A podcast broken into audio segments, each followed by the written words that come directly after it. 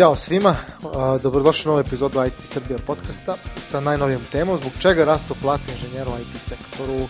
Sa mnom je Tihomir Opačić, moj ime je Miloš Đekić a, i danas ćemo pokušati da, da odgovorimo na ovo pitanje u našoj, a, koliko je to u našoj moći. Čini mi se da si ti Tihomire ne, nekako relevantni deo ove priče s obzirom da vodiš da se na čelu jedne firme ovaj, u, u, u, u, rekao bih u centru Beograda, zato što je sad Novi Beograd, novi mhm. centar, ja mislim, pa mi se za malo omaklo.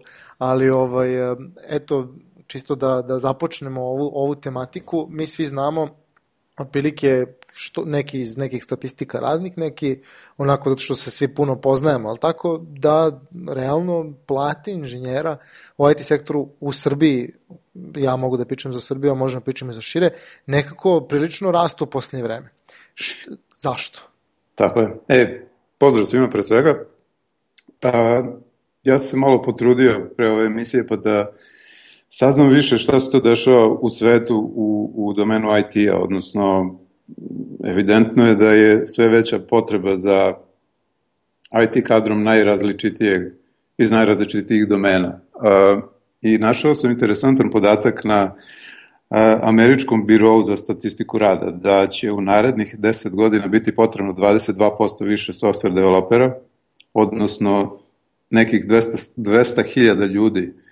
A, trenutno po njihovoj evidenciji u Americi a je ono, na, na tom kao poslu software developera, šta god on uključuje, zaposleno oko milion ljudi. Znači njima će trebati 22% ljudi više. Um, ja mislim da je realno za pretpostaviti da se slična potražnja oslikava i na outsourcing, pošto Amerikanci koji, koji ne moraju da zaposle Amerikanca, koji je kao uh, IT kadar verovatno mnogo skuplji nego, nego neki iz outsourcing popularnih destinacija, uh, verovatno je da, da, da će u narednih 10 godina biti i 22% veća potražnja za outsourcingom, jel misliš da je to neka ono kao realna pretpostavka? Pa čak mislim da će, da će suštinski biti veća, zato što kada se radi o outsourcingu, tu nekako postoji tendencija da se i više ljudi zaposle nego što, nego što bi to se inicijalno desilo da zapošljevaš u zemlji gde originalno se posao dešava. Ja bi ti samo ispravio, uh, na, na najgoroj sitnici. Rekao si, na primjer, nešto tipa uh, inženjer iz, iz US je kao skuplji. Nije skuplji on, nego su skuplje njegove usluge. I da. ovaj, suštinski postoje razlozi što su te usluge skuplje i kako to izgleda i kakvi su porezi i kakav je standard itd. itd. A, ali um, ja sam negde s druge strane čuo da postoji tendencija baš u Americi uh, da se oni okreću nazad svojim sobstvenim kadrovima. Odnosno da će, i verujem da će oni kao, kao jedan od najjačih, kako ne najjači ekonomski sistem na svetu, upravo to i pokušati. Mm -hmm. Jer ti znaš da oni dovode ljude, oni, mislim, ovaj naš odliv mozgova srpski poprilično ide u Ameriku, nije to samo u Evropu. Tako je. A, drugi blog post koji sam našao a, dok sam istraživao na ovu temu je baš o, o edukaciji pričao. Znači, oni apsolutno nemaju trenutno dovoljno e, potencijala da školuju toliko kadra u Americi. I zato uvoze. oni uvoze radnu snagu i mislim ništa im drugo ne preostaje. E, e sad, da se osvrnemo ponovo na, na taj, recimo, povećanu potražnju e, IT usluga u, u Srbiji koja, koja nam stiže iz inostranstva. Ja mislim da je pored toga što, što njima evidentno treba dodatna uh, ono, da prošire svoje kapacitete, odnosno da, da, da zadovolje svoje potrebe. Mislim da je kvalitet rada i edukacije u Srbiji napredovao zadnjih godina. Kako se tebi to čini? E, Odnosno, pa, u, u, u smislu da je dobar glas ono otišao u inostranstvo i da, da ljudi sad smatraju da je u Srbiji kvalitetniji rad nego u nekim drugim outsourcing destinacijama, pa da se zato odlučuju da dođu ovaj, u Srbiju i da da prave outsourcing centre. Da, mislim da ovo je jedna tačka gde se baš ne slažemo puno uh, i odgovorit ću baš na sve što si rekao. Pod jedan, mislim da nam edukacija nije napredovala, mislim da samo proširile mogućnosti.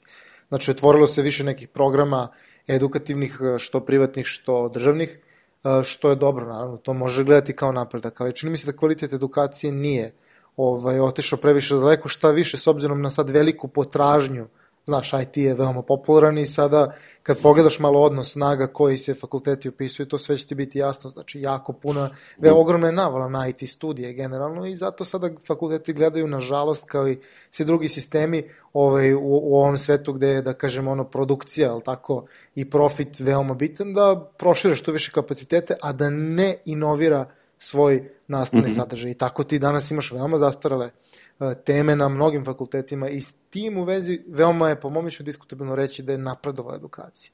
Da se jeste, da kažem, svest probudila, da je popularno, da ima gde to sve stoji, ali je ona priča o kvalitetu, čini mi se, skroz nekoj drugoj dimenziji. Sa mm -hmm. druge strane, E, takođe si rekao da nam se neki kvalitet e, nas kao jeli, domaćih inženjera ili IT generalno stručnjaka povećao i to je po mom skromnom mišljenju veoma diskutabilna stvar jer ovaj, e, i možda, možda ćemo o tome pričati malo kroz, kroz, ovaj, uh, kroz ovaj podcast, a to je što mislim da su shvativši da su tražena roba, mnogi inženjeri zauzeli neke stavove koji su kontraproduktivni na, na ono, u, u velikoj, ono, in the bigger picture, ne znam kako da kažem na srpskom, recimo. A, mm -hmm. To je nekad, pojavila se neka određena arogancija i jedan stav da, da, je, da je inženjer najbitniji deo priče i tako dalje i tako dalje i zato sada, s obzirom da ima puno inženjera, ali treba ipak nekako filtrirati, doći do onih kvalitetnih, postoji prava jedna utakmica ovaj, između, između firmi na domaćem tržištu ko će mm -hmm. prigrbiti dobrog inženjera. I čini mi se da to ide u skladu s našom temom, ti me ispravi ako grešim. Tako je. Mislim, vodi se prava bitka, to je, pa da. ako, ako pogledaš uh, oglase za posao, non stop je puno. Traže se svi kad, kadrovi ono iz svih segmenata, segmenata IT-a u svim gradovima Srbije, baš je ovaj, napeto. Baš je ludnica i to, i to baš yes. u dosta, u dosta gradova i realno čini, čini mi se da nešto što ranije nije se dešavalo, ima puno ljudi koji zapravo, na primjer, uzmu i odu iz Beograda u neki drugi grad da bi radili, što je nekad bilo skoro isključivo obrnuto. Da, znači, da. gravitira se sad kad čini mi se ka tri centra, ti mi ispravi ako grešim. E, znači, Novi Sad, Niš, Beograd. I čini mi se i Kragovec, ali ne mogu da budem siguran. Mm um, Mislim da si upravo. Mislim da si upravo Novi Sad je onako dosta napredovao. Ekstra. Čini mi se možda, možda i, i brže napreduje od Beograda u tom nekom domenu. Neki tvrde čak da je dosta jači po, po, po, mm -hmm. po pitanju broja i kvaliteta zaposlenih u IT-u, što meni lično uopšte nije teško da poverujem. Da, da, takođe. E sad, uh, u, u tako onom na, napetom okruženju dešavaju se razne stvari koje neko smatra da su fair, neko smatra da nisu ali ono što što je logično dešava se kod nas, dešava se i u svetu, e, da, da velike firme otem, otimaju, da tako kažem, kadar manjim firmama. E, u principu, ono što meni lično smeta, kao nekome ko, možda manje kao, neko, kao nekome ko je vlasnik firme, a više kao nekome ko vodi računa o profesionalizmu u našoj struci, je da se desi akutni problem u nekoj kompaniji, na primer, e, zamislimo da sam ja velika firma koja je dobila neki veliki projekat na kome ću lepo da zaradim, ali mi nedostaje e, softverski inženjer od, određenih znanja. I ja ću onda ponuditi nerealno visoku platu takvom čoveku, bez obzira da li je on junior ili mid-level ili senior. I, i nije, e, nije da sam jedan put čuo za takav slučaj, ono, više, više puta se to dešava, desilo i uh, ja, ja lično imam problem sa tim, ne znam kakav je tvoj stav po tom pitanju.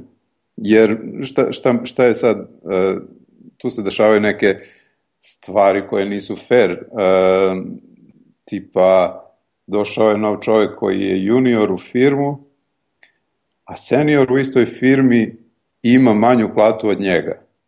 M je duže u firmi, M više zna, a ima manju platu. I onda ako postoji politika netransparentnosti visine plata u firmi, to se kao ne zna. I ja pretpostavljam da, da su i manje više znaju koliko, koliko ko ima platu I onda, znaš, dešavaju se tako razno razni probleme. Kako ti gledaš na tu situaciju? Jo, iz drugačijih uglova možda nego ti. A, čini mi se da je, da je tebe više, više opteretio taj problem. Prvo, apsolutno se slažem, taj, ta problematika postoji i da je veoma izražena sad trenutno na domaćem tržištu.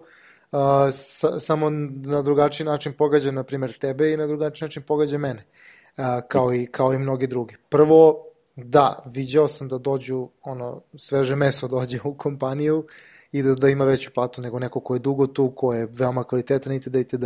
U većem sistemu čini mi se da je to ona varijanta platit ću ga najmanje što mogu, tačka. I to sam video i znam da, da mnogi tako rade i ja lično smatram da je takav potpuno onako zastareli pristup, nešto što na kraju dovede do toga da veoma kvalitetni ljudi migriraju na druge poslove i nažalost mnogi migriraju na stranstvo.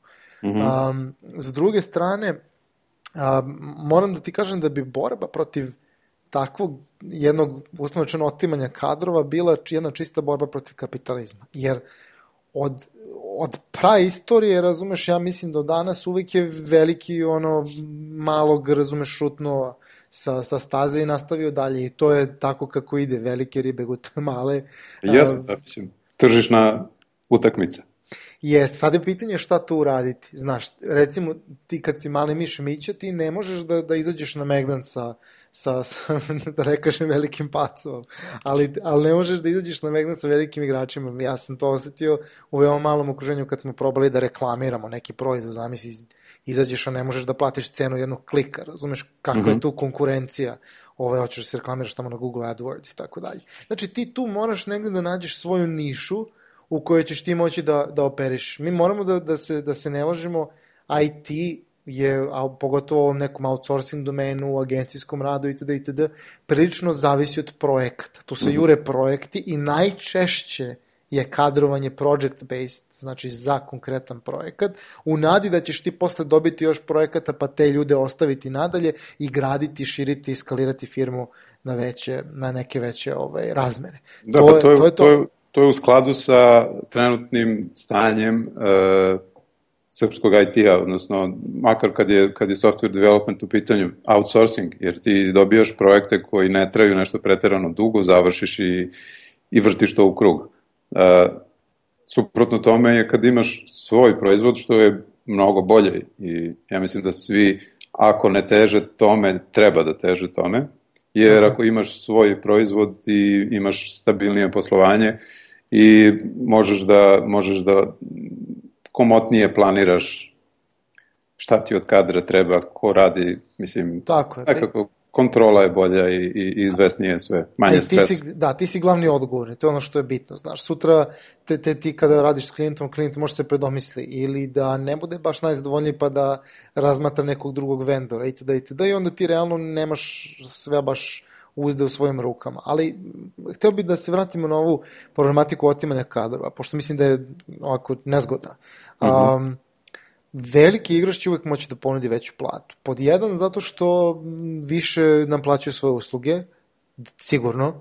E, pod dva, zato što ima više projekata, pa ima tu privilegiju da može da se krpi. Znaš, tipa propadne mm -hmm. jedan projekat ili završi se, ne mora propadne, ajde, bože moj, ali završi se neki projekat, često ostanu ljudi da, da, da naš nisu angažovani nigde, pa onda oni ih rasporede kao backup eh, na nekim drugim projektima itd. itd. I uvijek imaju taj luks, i uvijek će ga imati. Samo je pitanje, i čini mi se se to dešava u mnogim firmama, da li će im politika ponuditi veću platu da bi otrgnuo neki kadar, da li će ta politika da ovaj, se njima obiti u glavu. Zašto? Ima to, čini mi se, nekoliko razloga zašto. Ti, ti sigurno znaš neke od njih, kako ne i više nego ja.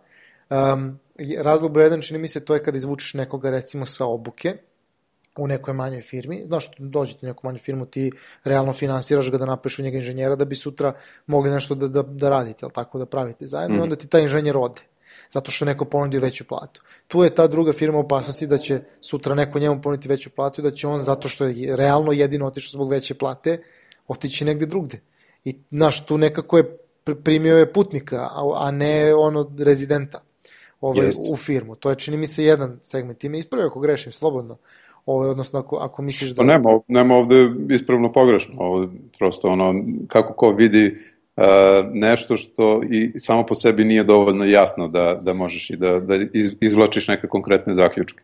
Pa da, imamo, imamo prosto viđenje znaš šta si ti proživeo, kakve si ti situacije video. Ja sam ovakvu jednu video više puta. Sa mhm. druge mm -hmm. strane, Ej, če, ove, obzirom da kažeš da si video više puta, ne znam koliko si jasno video tu situaciju, ali ono što mene interesuje je kad neko e, dođe u firmu samo zato što postoji trenutna potražnja da se jedan ak aktuelan projekat završi, šta kad se završi taj projekat, da li on ostane u firmi, da li ostane da radi za istu platu, da li mu se na neku foru smesti nešto pa mu se smanji plata ili mu se prosto da otkaz. E, to je ta upravo druga, druga priča koju sam ja hteo baš ovaj, da, da se dotaknem. To je baš to kada je neko došao samo zbog projekta. Pa evo ti, evo ti par nekih stvari koje sam ja video, pa sad možemo da diskutujemo. Recimo, video sam da završi se projekat i taj, ta osoba ostane onako besprojektna, u smislu nema, da nema svoje da, glavno angažovanje, razumeš? I onda, je, onda skače s projekta na projekat, doprinosi, stalno ulazi u neke nove sisteme, pa radi možda nešto što mu baš i nije naj, naš naj, ono, nije mu omiljeno, baš ono, mm -hmm. u nekoj alternativnoj tehnologiji, ili preuzima neki neki, da kažem, tuđ kod da tamo hakuje, da, da ludi od njega i tako dalje i tako dalje, ili dolazi na neke krajnje trivialne projekte, neke interne projekte u firmama kao što je, znaš, svaka firma treba web sajt i onda ne znam, tamo optimizuje bazu na web sajt, lupam, lupam, ali je poenta da ovaj, realno tu se zadovoljstvo automatski smanji i taj neko, čini mi se, odmah gleda da bi mogao da ode na interesantan projekat i naravno usput kad već prelazim da se povećaju plate. Mi moramo da se suočimo sa činjenicom da ljudima rastu plate ovaj, u IT-u najčešće zbog promene posla i to je realnost. I to je problem svih ne, ne, ne bih se složio, jer sama promjena posla ne znači da ti treba da dobiješ veću platu. Mislim, apsolutno nema, nema ni logike po meni. Ali tako se dešava. To je, ja, ja govorim ovo iz realnosti, ja ne znam za, za nekog ko je promenio posao zato što, ne znam, nije bio zadovoljno, htio da radi na drugim projektima, da je recimo pristao na manju platu. To je, to je ili na jednako, on ekvivalent. Znači, znam mm -hmm. recimo skori primer, fantastičan posao, sve fantastično, ali plata ista I čovek kaže, znaš šta, a, bolje da ostanem ovde, ovde sam, znaš, u Šoškani, znam bolje ljudi i da se nadam da ću, ne znam, napredovati itd. itd. Ali mm -hmm. ljudi realno, mi moramo da budemo tu iskreni, ljudi realno razmatraju promjenu posla zbog para. Čuli su da neko ima tri put veću platu i kao što ja ne bih imao veću platu. Dobro, ali to, to nije ovaj... E, nije vezano za, za problem o kome razgovaram, a to je da, nije. da si došao da radiš za nerealno veću platu, samo da bi rešio trenutno projekat koji, koji tvoj poslodavac ima i kad si završio rad na tom projektu, on te razvlači tamo, vamo, ovaj, praktično ne zna šta će s tobom. Da, i neće ti sigurno povećati platu. Ako, I on ti neće nisi... povećati platu, on, on bi najrađe da ti spusti platu, a verovatno će ti i dati otkaz. I u toj situaciji ti sigurno nećeš otići na drugi posao za veće pare, zato što si na ovom poslu imao nerealno visoke pare. O pa tome... jest, pa jest, da. to, ali mislim da je jednu stvar možda nismo ni pomenuli, a to je neka moralna obaveza zaposlenog prema poslodavcu. I dajem sebi za pravo da pričam o moralnoj obavezi, zato što smatram da sam ja uvek bio krajnje moralan prema mojim poslodavcima, nikad nisam ono otišao, ostao neku na cedilu itd. itd. I onda se nekako nalazim pozvanim da pričam o tome, jer znam mnogi drugi slučaje da to nije baš bilo tako, nego pojave se bolje uslovi, doviđenja prijetno. I to je nešto što isto treba se sočiti sa time i treba možda ljudima reći, hej, a, ako neko u tebe ulaže, a ti imaš ono lupan 25 godina, ti imaš luksus da, da, da još godinu, dve, ajde recimo samo godinu ili ajde pola, pola, pola godine, da ostaneš nekome da daš šansu ovaj, pre nego što pobegneš za prvom boljom finansijskom prilikom. I drugo, to je, to je ta priča negde kada velika firma otima kadar iz male firme, pošto mala firma obično je ulaganje, znaš, velikoj firmi ulaganje od 500 evra mesečno nije isto što i, i, i maloj firmi, ulaganje 500 evra mesečno, ili, ili 200 evra mesečno, nije bitno. Mm -hmm. I ovaj, ako uslovno rečeno propadne neki kadar u velikoj firmi, znači nije se pokazao i tako dalje, ok, to ulaganje nekako došlo usputno, dok u maloj firmi to nije tako. I onda je tu jedini način, čini mi se da tu ispadnu stvari kako treba i ako neko zaista shvati jednu moralnu obavezu da kada je došao kod nekoga da se uči, da će mu bar neko vreme vratiti to što je dobio. E, to se ne da, dešava. To, to ima smisla i mislim, šta, šta uraditi sad? Kao čovjek koji je ulagao na, na sličan način u, u ove edukaciju uh, mladih kolega programera. Ja nisam nešto u fazonu da sklapam neke ono ugovore, znaš, kao ko što sa futbalerima sklapaju, znaš, ja ću da, da te prodam, ovaj, odnosno došli si da igraš kod mene, pa naredne dve godine ne smeš da odeš, potpiši, molim te, jer, jer ti ja ne verujem. Koliko god da sam se puta opekao u životu, ja nekako i dalje verujem ljudima, mada ne znam koliko je to pametno, valjda jeste. Ovaj, već ne znam ni sam. Verovatno, ovaj, verovatno kad se ispečeš na, na sličan način, odnosno opečeš, onda imaš manju volju da ponovo ponoviš to sa, sa nekim mlad, mladim kolegom, nego ćeš možda uh, prehteti da, da uzmeš nekoga ko već zna da radi taj posao kako treba i, i prosto nemaš, nemaš frustraciju tog tipa. Ali, apsolut, apsolut. Sa, sa druge strane, kak, kakve god zaposlene da imaš u svojoj, ajde sad toj manjoj organizaciji, manjoj firmi, uh, ti si, no, mislim, uvek si u, u, u nekoj vrsti rizika da će oni da odu za, za boljom ponudom ili iz, iz bilo kog drugog razloga. E sad, šta manja firma može da uradi da se odupre tak, takvoj opasnosti? Ja ovaj, imam par teorija, odnosno nije, teorija, ovo pre bih rekao da je praksa. Viđao sam firme koje, ono što se kaže, ćute i smrde. Ovaj, mala firma, malo klijenata, malo programera, ali oni eto, sede u nekom ono stančiću i rade svoj posao godinama i niti im se menja kadar, niti im se menjaju klijenti i oni imaju onako neke solidne platice i to tako funkcioniše. Ovaj, ne bih, ne bih rekao da je to neka perspektiva ovaj, biznisa u Srbiji, da, da svi treba da budemo takvi.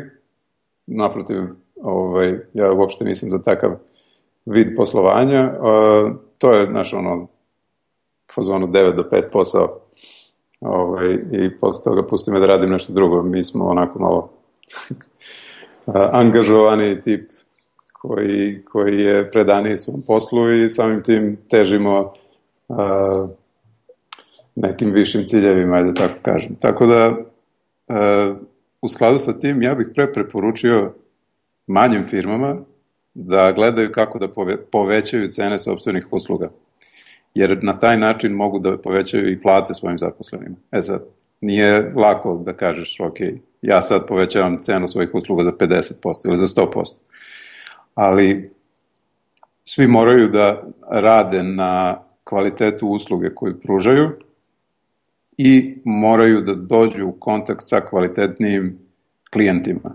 Kad kažem kvalitetnim klijentima, to je jako specifično za svakog odnosno svaku firmu, neko ima domaće klijente koji i, i nisu verovatno u mogućnosti da plate više, neko ima klijenta koga je navikao na neku nižu cenu pa ne može da mu povisi, mislim, neko uopšte nema kontakt sa klijentima dovoljno dobar, ljudi često imaju loše prezentacije svojih usluga ka inostranim klijentima i to je nešto na čemu mora da se konstantno radi i to mora da se unapređuje. Inače, se dešava stagnacija i konstantna neka borba ovaj, nedostatak projekata, nedostatak ljudi i, i prosto ono vrlo, vrlo stresan način poslovanja. Osim toga, ovaj, makar ja volim da pažljivo biram zaposlene, jer nekako mislim da, da ukoliko se stvori tim ljudi koji se međusobno, međusobno poštuje i uvažava i kojima je ono dobro da su zajedno, znaš, ono kad dolaziš ujutro na posao, da ti nije smor, da te čekaju tamo neki likovi koji ono baš kad bi mogao da biraš i ne bi gledao taj dan. Ovaj, prosto pažljivim odabirom zaposlenih se stvara ta neka lepa atmosfera koju prosto ljudi ono su, su manje uh, ono, Kadri da napuste. to, to, hvala na pomoći. uh, I na kraju, uh, ono, ono što je mladim IT stručnicima, ja mislim, i najbitnije, to je kvalitetna doedukacija, odnosno uh, ljudi će pre, po meni, napustiti neko radno mesto zbog toga što im je uslovno rečeno dosadno, nego zbog toga što imaju malu platu. E, ja ako sam, na primjer, došao da radim u neku firmu neku tehnologiju koja me interesuje, ajde primjera radi, uh, interesuje me Laravel PHP framework i došao sam da radim taj posao. I ako meni sad uh, moj poslodavac daje WordPress da radim ili mi daje da, da seckam HTML i CSS zato što nema Laravel posla, ok, uradit ću to neko vreme, ću to da trpim, ali ako to postane praksa iz meseca u mesec, znaš, ja nisam ostvario onaj cilj zbog kojega sam došao u tu firmu, znači plata jeste, ono, apsolutno je bitna, ali je meni bilo bitno, na primjer, i da učim neke nove tehnologije, neka nova znanja da usvojam, i ako nisam to dobio, ja praktično idem dalje. Jel se slažeš ovaj, sa, sa tim pa, mišljenjem možda? Apsolutno se slažem, ali ne bih, ne bih jednostavno preskočio to što ljudi realno veoma budu iskušani većim novcem, jer znaš šta, razlike stvarno umeju da budu ogromne po pitanju, po pitanju plata. Znači, do tri puta veću platu negde možeš da, da dobiješ ponekad. Tak, tako je, tako je tržište. Onako ludo, turbulentno i svašto nešto može se desi. I mm -hmm. to može realno da drastično promeni neki utisak. Međutim, što se tiče malih firmi, kao neko ko ima uvida u to, pogotovo ti, a, mm -hmm. a i ja, pošto sam bio deo manje firme i i znaš i sam koliko se družimo, da kažem, s ljudima koji imaju svoje firme, rade u manjim firmama. Jedini realan način je da se formira jak, jak tim i da postoji ta neka neoboriva veza između samih članova tima. Znači da je to tim koji, koji, ne, koji ide mnogo dalje od samih projekata i klijenata itd., nego znaju, imaju jedni drugi u vidu i u neposrednoj budućnosti i u onome što si pomenio, recimo, sobstvenom proizvodu i tako dalje i tako dalje. I zato svaka mala firma, po mišljenju, treba da ima ne baš ono kristalno jasan neki biznis plan, ali viziju, pravu, onu fonovsku definiciju, misija, vizija, i ciljevi. Stvarno firma treba da ima viziju i da, da, da nekako radi na tome. I čini mi se da ljudi kad to vide, da to stvarno pravi ovaj, ogromnu razliku. Just. I da će ljudi biti kadri da ipak se zadrži još malo i da kažu sebi, ok, ja još, na primjer, na primjer, još nisam napunio 30 i do 30. nešto će se desiti, razumeš ovde, pogotovo što i ja mogu da doprinesem jer je mali, malo okruženje, a, imam priliku da, da, da, da ljudi čuju ono što imam da kažem, da diskutujemo neposredno o problema itd. itd. To ne znači da su ve, veće firme loše, odmah da se razumemo. Ali mhm. čisto je odgovor na pitanje koje si ti postavio kako male firme se izbore sa tom problematikom. A trenutno potražnja na tržištu je mnogo veća od onoga što tržište ima da ponudi. Znači, kadrova nema dovoljno za projekte koje dolaze kod nas ovde u Srbiju i moram da budem iskren, nema dovoljno kvalitetnih kadrova, da budem precizniji ovaj, u tome i tu je ono gde, gde ljudi moraju da se doedukuju, ali tako da tako je. porade Mislim, na sebe. Ti, ti i ja dajemo svoj skroman doprinos, e, mislim, makar kroz savete kako, kako da ljudi poboljšaju kvalitet svog rada i uopšte zajedništvo, podsticanje na udruživanje i tako dalje, sve to u krajnjoj nekoj uh, službi bolje edukacije i bolje kvalitete rada naših IT stručnjaka. Pa nadamo se samo da će biti nekog rezultata to, jer na kraju zavisi od zavisi od onoga koji, koji je naš kadar, zavisi od onoga ko će popuniti te praznine, kako će ih popuniti. Tako je. E sad, hteo bih još um, da, da porazgovaramo malo kako se velike firme bore protiv istog problema. Jer nije, mislim, već smo se složili da ovaj problem mnogo više boli malu firmu, ali boli i veliku. Jer e, ako naš ode ključni čovek sa projekta, to može da, da malta ne upropasti projekat i dovede do, do ogromnih gubitaka. Neko ode za, ne znam, par stotina veću e, platu, par stotina hlebova, ali tako koristimo izraz, veću platu. Ma, 30 hlebova. a to će da, da firmu možda boli, boli i par stotina hiljada hlebova. A, tako da, ono što ja znam je da velike firme, na, na, na primer, nude akcije, odnosno taj neki udeo u firmi. I to ti je podsticaj da kod što nas? duže... Kod nas, da. Ja to nisam čuo. E, mislim, evo, ja sam akcionar na sličan način. Eto, mogu da kažem da sam u vast firmi ovaj, dobio izvesni broj akcije. Ovaj, nije da, nije da eto, da imam neke koristi. Ljudi. Eto, čuli su ljudi nije, sad. Nije da imam neke koristi od toga, ali eto, to je, to je realno prilično, prilično redovna praksa napolju. Ja sam to... Napolju da, ali ja sam da. se zato začudio kad si mi rekao da to neko ovde radi, zato što ja za to Pa, nisam baš pazi, a, ja sad isto ne mogu da se zakonujem da je to i dalje praksa konkretno u Vastu, ali svakako mladi startupi gde tim ne broji više od 10, 15, 20 ljudi koji dobiju funding, često imaju to kao posticaj da naprave taj osnovni tim i osnovni proizvod koji je u početku najbitniji, jer ti moraš da izbaciš nešto na tržište i ne smeš da dopustiš da ti se tim rasipa, znaš, ne smeš da gubiš vreme uopšte na takve stvari. I onda je to jedna stavka koja njima pomaže da zadrže te ključne ljude u timu što je moguće duže. I evo, u konkretnom slučaju bilo je, mislim, stvarno se ne sećam, ali ono, ne dobiješ ti te akcije odmah, nego kako vreme prolazi, zna svaku, svaki godinu dana da biješ određeni broj. Ali, ovaj, I može male toga... firme, može male firme, mislim da velike firme, i mogli bismo stvari da sad se vratimo, pa definišemo šta je velika firma, ali ja bih rekao da je firma od 100 ljudi velika.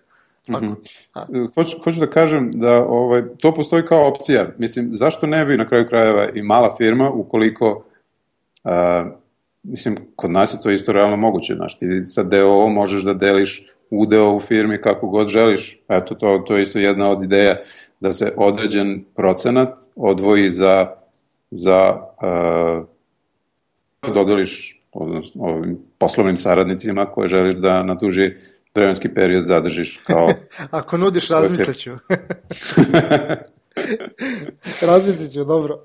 Ne, ovaj, Ali... slažem se s tom Tihomire i mislim da si lepo stvar rekao, zato što čini mi se da u Srbiji to nije praksa. I da su ljudi, drže se, znaš, ono, moje zgrabe rukama, nogama i kao čim pitaš da li čačneš malo, da li biste možda, ne, ne, ne, ne, nema govora, ne dolazi ovde, tamam posla. I tako. Jeste, mislim, ovaj, u principu na duge staze, ovo sad može bude kao i savet nekome, na duge staze je mnogo bolje uzeti procenat u projektu ili firmi za koju pretpostavljaš i u koji veruješ da će u, u nekom doglednom vremenu zaraditi neke pare, ovaj, bolje je uzeti procenat nego, uh, nego odmah da, da, da, da zakucaš, na primjer, bolju platu. Bolje je za, za obe strane, samo to da, da, da, da, da kažemo. Zašto za obe strane?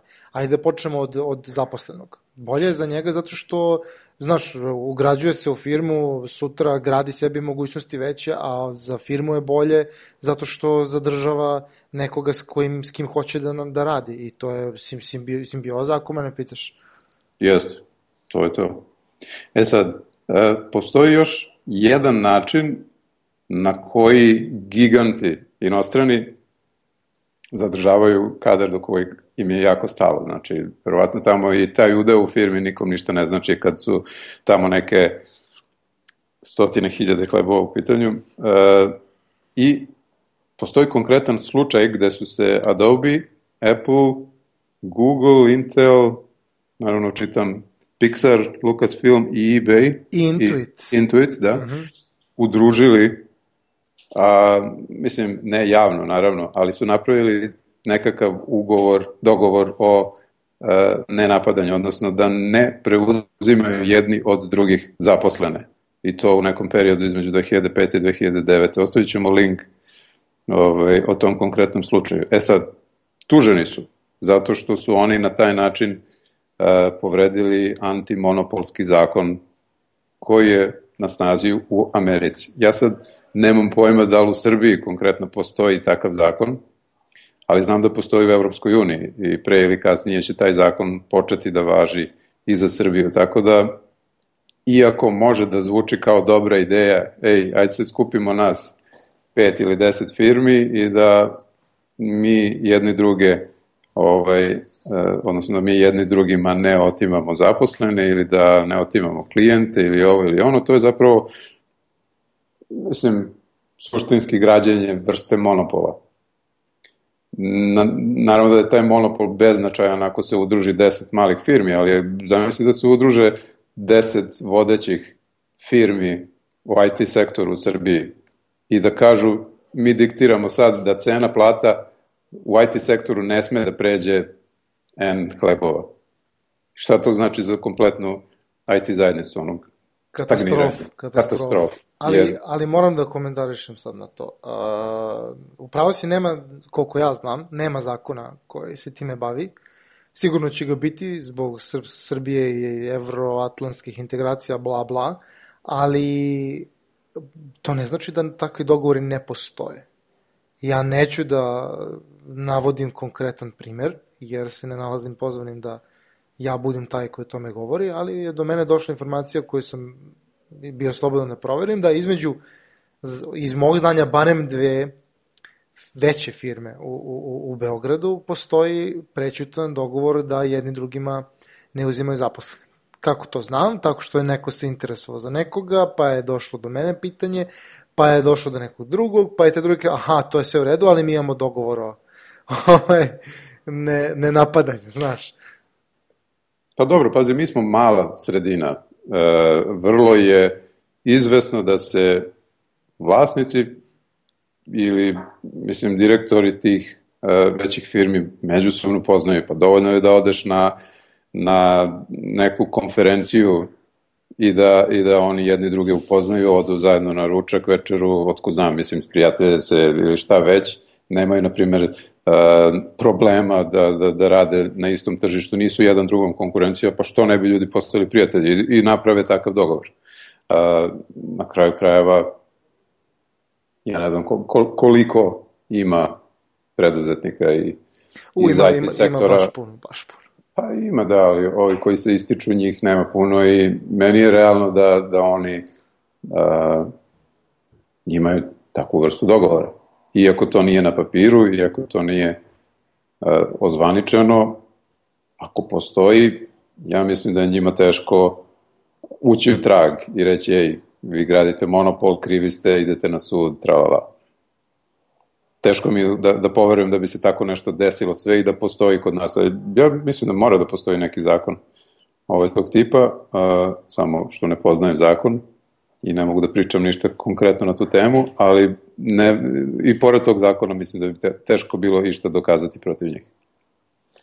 Pa, lepo si rekao, mi smo jedna mala sredina i sve to što ide, što ide ove, uz tu priču. Mislim da se Tihomine bližimo našem novom, novom vremenskom formatu, kraju našeg novog mm -hmm. vremenskog formata od, kako smo to jedno rekli, do 45 minuta. Da. Ovaj, da. I s tim sam hteo da te pitam, Jer mi smemo da otkrivamo ovaj, naš, jedan od naših budućih angažmana koji će uskoro da se desi. Pa, nisam pravo ti kažem siguran. Ja bih to ipak zadržao kao tajnu. Kao misteriju. Misteriju. ovaj, ostavljamo ljudima koji, koji možda i pretpostavljaju da, da se jave, ovaj, ali ćemo Tihomira uzeti učešće u nekom, u nečemu veoma zanimljivom, ovaj, što ćemo pretvoriti, nadamo se, u u nek, neki zanimljivi sadržaj koji ćemo plasirati kroz ovaj podcast, tako da uh, inženjeri radujte se, bit će finih tema. Tako je. Uh, ajde da zaključimo ovu emisiju pre nego što otkuca 45. minut. uh, puno vas pozdravljamo i uskoro očekujte više informacija o misterioznoj temi. Uh, nadam se da, da će uskoro i nova emisija. Nego šta? Nego Temu šta? ne znamo, gosta ne znamo, iako smo nekoliko već imali u najavi, ali to nikako da se realizuje. Ovaj, no, mislim da bi mogli zaista da poradimo na tome da, da jednu od davno planiranih tema konačno i realizujemo. Apsolutno. I ovo, idemo ka tome. A, hteo bih da dodam da smo mi ovu emisiju priredili ovaj, preko Skype-a i da ovaj, čini mi se da će, da će većina sledećih emisija biti takve što nam otvara mogućnosti da goste imamo sa različitih strana, tako da još jednom, enti put, pozivamo vas, ako imate nešto interesantno kažete, javite se i nekako ćemo vas uplanirati kao neke goste koje već imamo u planu. Tako je. E, puno vas pozdravljamo da stavite slušanje. Hvala ste ima, čao. Ćao. Slušali ste IT Srbija podcast. Vaši domaćini su bili Tihomir Opačić i Miloš Čekić. Ne zaboravite da nas zapratite na Twitteru, da predložite vašu temu ili zanimljivog sagovornika. Do sledećeg slušanja vas pozdravljamo uz funky zvuke benda Tutan Shoe.